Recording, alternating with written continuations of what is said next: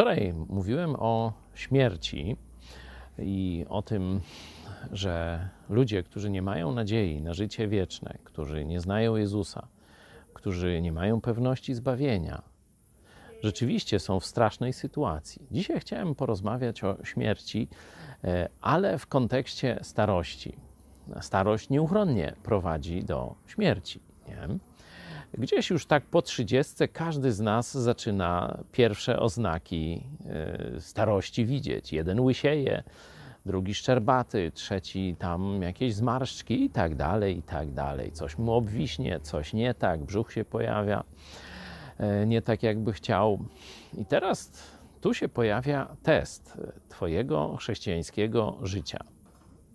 Pismo Święte bardzo jasno apostoł Paweł w drugim liście do Koryntian mówi, że nasz zewnętrzny człowiek każdego dnia niszczeje, czyli się starzeje.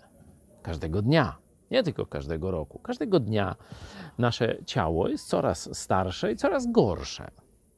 Ale, mówi, jeśli jesteś chrześcijaninem, jeśli należysz do Jezusa Chrystusa, to tak samo jak każdego dnia Twoje fizyczne ciało starzeje się, to twoi, twój wewnętrzny duch się odnawia, czyli rośnie.